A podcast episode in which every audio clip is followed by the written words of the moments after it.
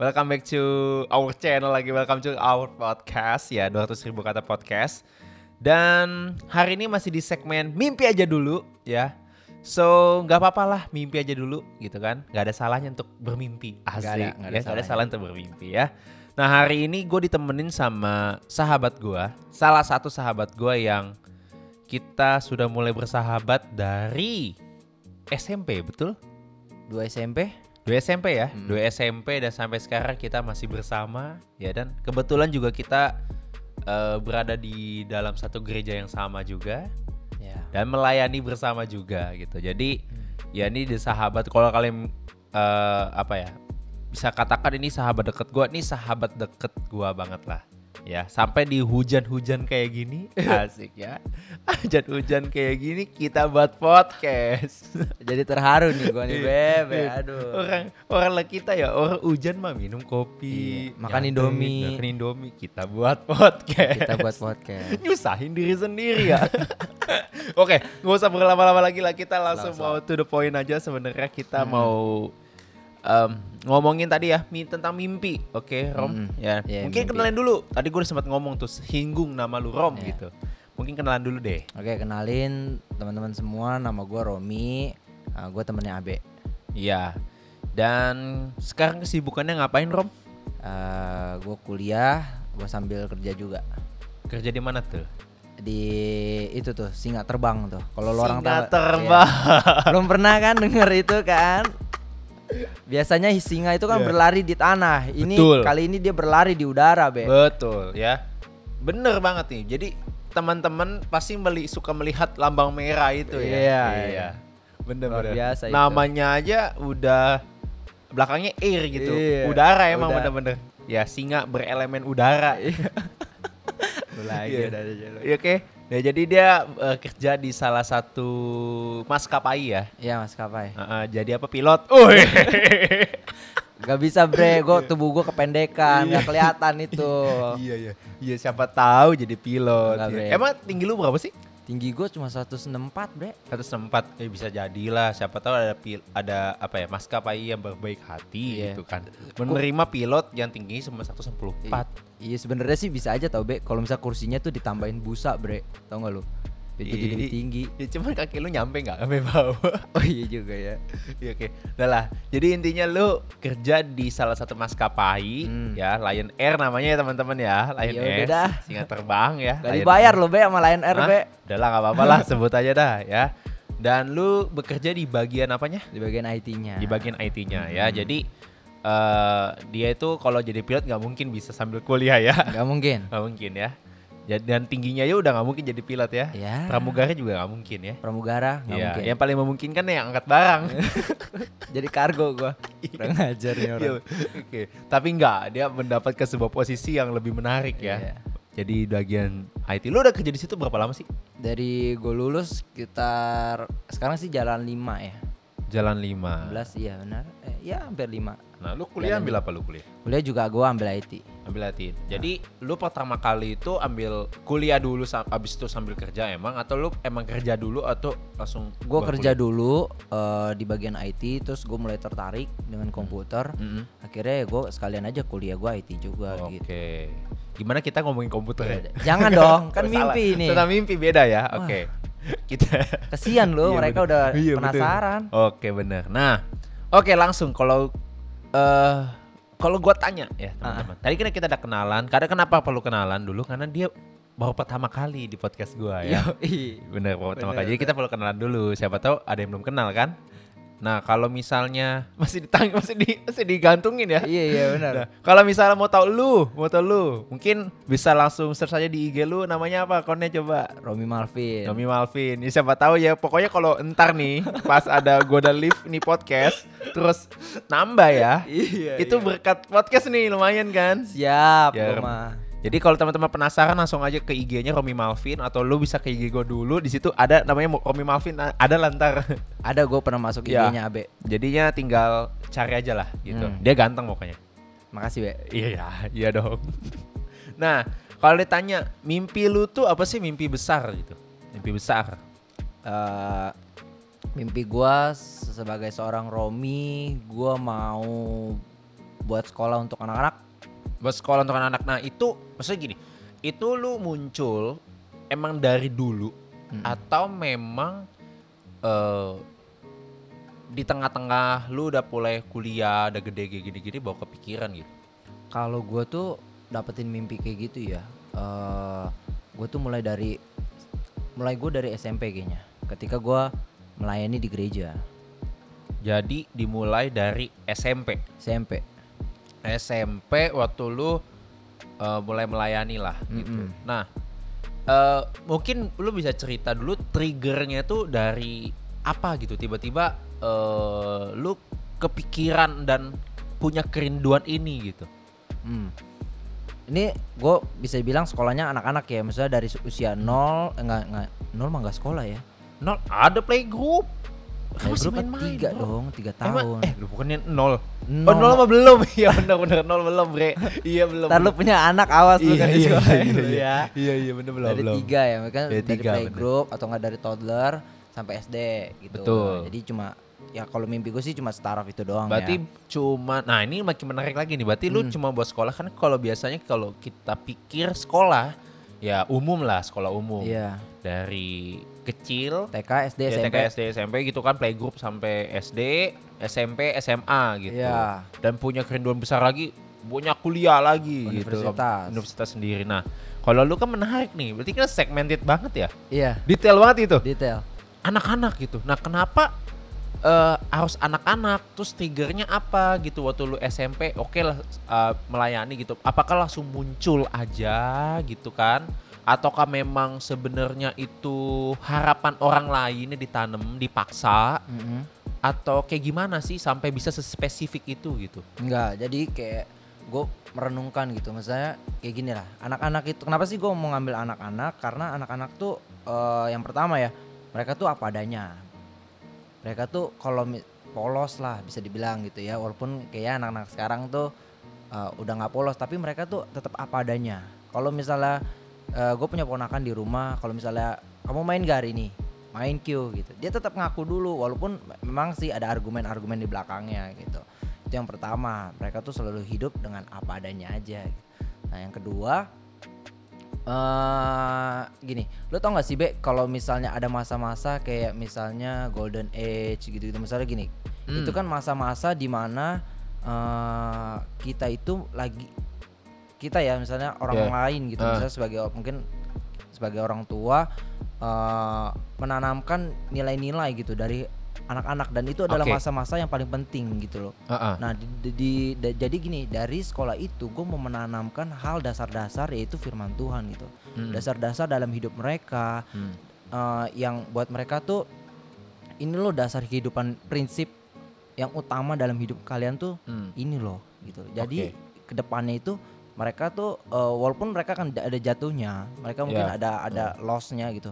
Tapi mereka tahu siapa siapa dasar di, di hidupnya tuh dia siapa gitu. Oke, jadi kalau gue kesimpulin adalah memang eh, lu tuh muncul kerinduan ini ya triggernya mungkin lu melihat ya, lu Iya. melihat sendiri adanya sebuah kebutuhan dari anak-anak dan lu mengetahui ada sebuah pengetahuan memang bener sih, maksudnya ada masa-masa tuh manusia itu namanya di golden age-nya mereka dan mereka di golden age-nya itu adalah cepet banget belajar cepat menerima tapi punya masalah masalahnya adalah dia menerima dan belajar itu dari apa yang dia lihat dari apa yang dia dicontohkannya seperti Betul. apa Dia nggak disaring loh, Be. dia nggak disaring dia langsung semua. masuk aja nah tapi di golden age itu adalah bagian di mana mungkin maksud gua gini manusia itu titik terpintarnya kali ya karena gini karena dia cuman terima aja dan langsung dia bisa apa ya melakukan aja gitu sepolos Iya. itu dan belajar aja gitu Mm-mm. tanpa harus adanya apa sih kalau kita kan mungkin kalau pas udah remaja udah mulai berpikir SMA apalagi kuliah ya Iya. makin gede makin terlalu banyak pertimbangan Saya tahu maksud Anda. Iya kan dari banyak pertimbangan semua ditimbang-timbang Iya, gitu kan nggak tahu lah timbangannya kayak apa gitu semua ditimbang-timbang gitu nah cuman kalau waktu anak kecil kan mereka bener-bener ya polos gitu ya apa Mm-mm. adanya dan tinggal terima aja gitu Mm-mm. dan lo melihat kebutuhan itu oke nah terus kalau gua tanya sebenarnya isunya apa sih kalau eh, untuk anak-anak itu sendiri kalau mungkin tadi kan gue sempet singgung lah ya gue Hmm. sempet singgung tuh kayak ya memang mereka tuh dicontohkan atau segala macam. Cuma maksud gue gini, apakah lu bener-bener melihat sebuah isu besar gitu di di sekolah anak-anak ini sampai ini buat buat gue gini, buat gue gini ya, buat gue gini, lu kalau punya kerinduan, anggaplah SMP deh SMP itu, Ya, ya ada SMP itu, lu dan sampai hari ini kan lu makin gede gitu, lu udah mulai kerja segala macam. Buat gue pribadi, ya nggak mungkin gampang untuk memaintainnya gitu loh Hmm. perasaan itu loh ya mimpi Ya. itu kecuali lu tahu betul ini adalah sebuah visi yang yang Tuhan udah taruh dalam hidup lu gitu dan lu lagi mau jalanin gitu kan Hmm. dengan uh, nilai-nilai hidup dan nilai-nilai yang lu udah terima dan lu ingin lakukan Ya, kayak gitu nah cuma maksud gua kan itu nggak gampang kalau nggak punya dasar yang kuat gitu. Nah maksudnya gua lagi lu udah masuk ke kuliah, udah masuknya ke kerja, udah banyak pemikiran pasti dong. pasti. Terus apalagi pas jalan kayak nih mana ada ceritanya nih bisa kayak ke mimpi gue gitu kan. Iya, Mana bisa ke kesampaian. sampai ke sekolah-sekolahnya gitu. Ah. Nah cuman gini loh, apa sih yang membuat lu tetap mau strong gitu? Dan itu kan masih gini, pasti ada isu-isu atau segala macam yang secara nggak langsung itu bisa menyentuh secara sentimental lah menurut gua. Ya. Oh gua kan orang sentimental gitu, jadi Ah. kayak gua tahu beberapa hal tuh kalau ada hal yang bisa nyentuh hati lu banget dan memori itu nggak pernah bisa dilupa, apalagi itu berkaitan dengan pengalaman pribadi lu, itu lu biasanya udah jadiin itu sebuah foundation kuat banget gitu. Nah, kalau dari lu sendiri apakah ada hal-hal yang seperti itu juga gitu yang lu taruh dalam hati lu sampai hari ini akhirnya lu berjalan gitu. Hmm. Kalau gue sih ada yang pertama tuh gue dapat panggilan hidup gue tuh gue tuh jadi seorang gembala buat anak-anak gitu be. Oh, oke oke. Iya jadi ada satu momen lagi kayak biasa lah kalau di gereja kan ada altar call gitu. Hmm, Nah, gue dapat eh, gambaran gitu penglihatan dari Tuhan di mana gue akan memimpin banyak domba-domba gitu. Oke, berarti Nah. ini ini pengalaman eh, spiritual lu sendiri Iya. lah ya. Oke. kayak gitu dan itu yang membuat gue sampai hari ini tuh bertahan dan menjadikan eh, dan menjadikan hal itu Hmm, menjadi oke. sebuah visi dan panggilan dalam hidup gue Hmm, itu dasar kuatnya. ya nah yang kedua adalah gue melihat dampak dari anak-anak. Oke. dampak yang besar yang akan mungkin dampaknya nggak langsung sehari dua hari atau setahun dua tahun be. Hmm, apa yang kita ajarkan hari ini kepada anak-anak. Mungkin dampaknya itu nanti ketika mereka sudah kerja. Mereka mungkin uh, dewasa masa-masa dewasa di mana mereka mengambil keputusan dalam hidup untuk bekerja untuk memilih pasangan hidup. Itu benar-benar sangat mempengaruhi mereka gitu di masa-masa anak-anak ini. Ketika mereka nggak dapetin hal-hal yang baik pengajaran-pengajaran yang baik ya itu Hmm. bakal ak- jadi gedenya itu dia bisa ya gampang dipengaruhi dengan hal-hal yang bersifat misalnya jahat lah hmm, kayak gitu Oke. kayak gitu Nah, isu apa yang terbesar nih yang lu lagi perhatikan gitu loh? Kan berarti kan gini, berarti kan lu area lu berarti di main anak-anak dong. iya gitu. iya iya Nah, maksud gua gini. eh, isu apa sih kalau mimpi ini udah ada gitu. Heeh. Mimpi ini udah di depan mata, lu sudah mulai mau mewujudkannya lah. Berarti kan Hmm. kalau udah mewujudkan buat gua kan gini, ada langkahnya pasti oke nih gue udah buat sekolah. And then Iya. what gitu. Gak mungkin abis itu berhenti selesai dong begitu. ya enggak dong. Tapi maksud gue gini, kalau kalau aja nih kalau Iya, iya, di iya. waktu dekat inilah, ya Mm-mm. waktu dekat ini akhirnya entah bagaimana ceritanya gitu, diberi kesempatan gitu, ada ruang ke sana. Nah, maksud gue gini, hal apa yang ingin lu selesaikan melalui sekolah lu itu dari isu isu anak-anak yang mungkin lu lihat itu? Kalau gue nih Mm-mm. eh, mungkin pendidikan karakter Hmm. Kenapa ya mendengar pendidikan karakter? karena dengan gini matematika pelajaran hal yang matematika itu pelajaran yang menyenangkan loh sebenarnya Iya, masa sih? buat beberapa orang Iya, iya. mungkin nggak menyenangkan karena Oke. mereka punya mental gini be mereka udah takut udah capek udah nggak mau Oke. mereka merasa gini kalau gua mat- matematika gagal ya gue akan gagal semua Hmm. Nah masukan itu kan berhubungan dengan karakter mental seorang seorang Hmm. anak gitu lu punya pola pikir tuh jangan jangan gagal gitu jangan jadi seorang yang Hmm. gagal jangan jadi seorang yang uh, susah sedikit kabur susah Hmm. sedikit uh, lu menyerah susah sedikit tuh mudah putus asa nah hal-hal yang kayak gitulah be yang misalnya yang jadi concern gua gitu loh bahwa karakter itu juga penting di samping dengan akademis Hmm, ya Oke. itu tetap penting juga tapi karakter menurut gua itu juga yang hal yang nggak kalah penting Oke. gitu Berarti lu menemukan lah bahwa isu dari setiap anak-anak itu adalah ya memang pembentukan dari karakternya. Mm-mm. Kenapa lu bisa bilang begitu di pembentukan karakternya menjadi sebuah isu buat anak-anak? Kenapa nggak lu bilang pembentukan karakter itu isunya itu waktu lu udah remaja? Karena kan ke, kelihatannya maksudnya gini, kelihatan pemberontakannya waktu remaja. Iya. Iya. Ya dong. Benar, benar. Terus jelek-jeleknya waktu mulai remaja. Remaja. Ya dong. Mm-mm. Terus mulai nakal-nakalnya pas remaja. remaja. Nah, sedangkan kalau anak-anak aja kan lebih banyak nurut-nurut aja. Nurut-nurut aja. Kayaknya menyenangkan. Happy-happy aja. Happy-happy. Mereka hidupnya kayak tidak ada beban. Betul. Nah, tapi kenapa lu bilang lu sangat memfokuskan tentang pendidikan karakter itu? Berarti ada masalah dong di karakter anak-anak yang lu lihat selama ini. Ada be. Karena kalau masalah karakter anak-anaknya bener-bener aja sampai masa-masa anak-anaknya, remajanya dia nggak bakal nggak bener dong. Bener gak? Oke. Bener gak? Kalau anak-anaknya bener nih, Mm-mm. menurut kita bener mereka happy happy aja. Kok kenapa remajanya bisa ngelos begitu aja? Berarti ada yang salah di masa-masa anak-anaknya. Oke. Gitu. Mungkin gini kali ya, mungkin apa yang terjadi pada masa anak-anak itu mereka nyimpen karena mereka nggak bisa ngapa-ngapain. Bisa bener-bener Ya, nyimpan, mereka nyimpen gitu. nyimpan. Dan ada satu momen di mana ya mereka akan meledak satu saat. Ya, Mungkin di masa remajanya. betul betul. Jadi bener-bener apa yang terjadi pada masa kita dewasa nanti itu ditentukan banget waktu kita masih kecil ya. Anak-anak Oke deh. dasar itu. Nah, tapi gini, pertanyaan terakhir. Ini terakhir nih. Asik kan? Asik, asik. Asik, asik. Kita tuh? Gak berasa ya be? Gak berasa. Gak berasa. Udah 16 menit nih. Iya iya iya. ya, pertanyaan terakhir gini. Kalau dari lu pribadi gini, berarti kan visi ini lu tetap pegang dong.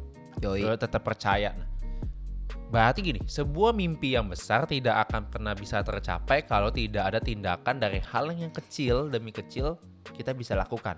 Betul. Karena gue selalu, gue nggak pernah bosen sih ngomongin hal ini berulang-ulang sih. Gue selalu percaya begini, kalau lu bisa melakukan dari hal yang kecil dan dipercaya dari hal yang kecil, lu pasti bisa diberikan kepercayaan yang lebih besar gitu. Mm-mm. Nah, dari lu sendiri gitu, apa sih yang lu udah lakukan atau step by step apa ini yang lu udah lakukan untuk lu bisa meraih mimpi lu lah gitu untuk punya sekolah anak dan ya itu ya sekolah anak dan di sana sekolah itu udah lebih memfokuskan tentang karakter membangun mereka bukan cuma ngomongin memintarkan otak aja tapi sebenarnya pinterin yang dalam dulu. Iya. ya kan? Hmm. sehingga ya bukan cuma pintar otak tapi pintar dalam. Jadilah dia pribadi yang punya kualitas kan? Kayak gitu. Nah apa sih yang lu udah mulai lakukan gitu?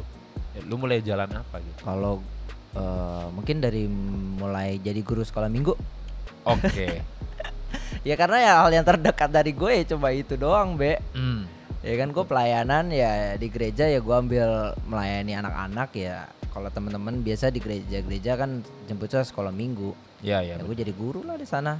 oke Ya seminggu sekali melayani anak-anak tuh seru banget sih. ya betul nah oke berarti yang lu udah lakukan adalah dari menjadi guru sekolah minggu ya Iya. Betul. Walaupun gini ya, maksudnya gini, waktu walaupun kalau kita ngomongin pekerjaan lu nggak sesuai kayaknya, Enggak. Iya dong, semua ke mana-mana. Tapi gini, but, but somehow kita nggak pernah tahu, kita nggak Ya. pernah tahu bagaimana cara yang di atas ini, sang di atas ini bisa membuat hidup kita tuh lebih indah aja gitu. Hmm. Yang perlu kita lakukan kita lakukan sesuatu gitu. Iya, iya. Nah, buat gua adalah yang gua cukup admire dari lo adalah lo tetap lakukan hal itu gitu dari hal yang sederhana jadi guru sekolah minggu. Buat gua menjadi guru sekolah minggu itu gak menjadi hal yang mudah karena nggak semua orang sanggup melakukan hal itu. Jujur, gua jujur ngomong itu. Eh, eh. Nggak semua orang sanggup melakukan hal itu. Ya dong. Iya. Karena ngomong sama anak kecil sama ngomong sama orang yang sepantaran tuh beda banget. beda, Beda banget. beda. Ngomong sama anak kecil, lu bisa ngomong nih tapi mereka nggak bisa denger, bisa jadi nggak nggak mukanya nggak ke lu gitu. Iya. Makanya Lu bisa nganggapnya apa? Ini orang nggak sopan ya, Iya. kan kayak gitu Kurang ya. ajar ini Kurang ajar ya. Lu sih ngomong nih, lu bisa dia muter-muter. Tapi somehow yang karena eh, gua sempet ya kita melayani bersama lah ya. Iya, jadi iya, gue iya. tahu juga. Tapi somehow mereka tuh ternyata bener-bener dengerin Mereka perhatiin dan mereka inget loh. mereka inget gitu loh. Terus kalau ngomong sama anak kecil, eh lebih tepatnya kita lebih main tuh lebih ke hal-hal yang sederhana ngomongnya, Iya. wujud nyata, perumpamaan, perumpamaan, gambaran-gambaran. Jadi maksud gue gini, nggak semua orang tuh bisa melakukan hal seperti itu, gitu. Dan gue mau bilang sama teman-teman hari ini gini, ini mimpinya Romi gitu, ya oke? Dan kelihatan ya, ketika lu dapat sebuah panggilan itu, dan lu mulai jalanin di bagi apa apa hal-hal yang kecil-kecil ini, lu joyful banget melakukannya. Gitu. Yoi dong, pasti. Nah, tapi pasti ada painnya dong. Pasti. Nah, sedikit deh, sedikit sebelum kita abisin. Sedikit. Painnya lu apa tapi sampai lu akhirnya tetap gak menyerah gitu. Hmm, painnya apa ya be ya?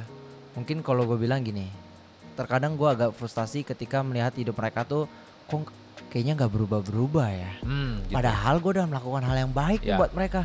Gue udah kasih apa yang gue punya buat mereka. Gue udah ajarkan, gue udah nasehatin gitu kan. Kadang gue Hmm. udah panggil berdua. Hmm. Gue udah jadi kayak sahabatnya Udah mereka. keluarin duit, bayarin jajan. Iya itu salah Ya. satunya juga. Iya, Iya, karena ngomong sama mereka kalau cuma dengan tangan hampa gitu kan, kan mereka, kurang perhatian. Iya, Kita mesti ada salah satu bukannya kayak nyogok gitu ya, tapi ini caranya anak-anak gitu. Cara anak-anak begitu, mereka harus Hmm. dikasih apresiasi. Iya, iya. Apresiasi kan gak ada yang gratis di dunia Iya, ini. benar-benar. Nah, oke gitu. terus. Nah, tapi hal apa yang membuat lu bertahan gitu? Bertahan ketika gue percaya gue memiliki iman, pengharapan kayak apa yang gue tabur hari ini tuh tidak akan pernah mengecewakan gue gitu dan apa yang gue tabur buat hidup mereka itu tidak akan pernah sia-sia karena gue melakukannya itu bersama dengan Tuhan gitu. Hmm, Dan oke. ada campur tangan Tuhan di dalam apa yang gue kerjakan Oke. So, itu dia poin. Gue suka banget poin terakhir dalam untuk menutup podcast ini, yaitu adalah lu belajar melangkah, lu punya pengharapan, percaya segala sesuatu yang lu udah lakuin itu dengan pengorbanan itu tidak ada satupun yang sia-sia, walaupun terlihat sia-sia. Tapi tidak ada yang sia-sia. So, gue mau bilang sama teman-teman hari ini, kalau lu punya mimpi, jangan cuma dimimpiin, tapi sudah mulai melangkah. So di sini gua Abraham si manusia 200 ribu kata. Peace out. Dan Romi, bye bye. Bye.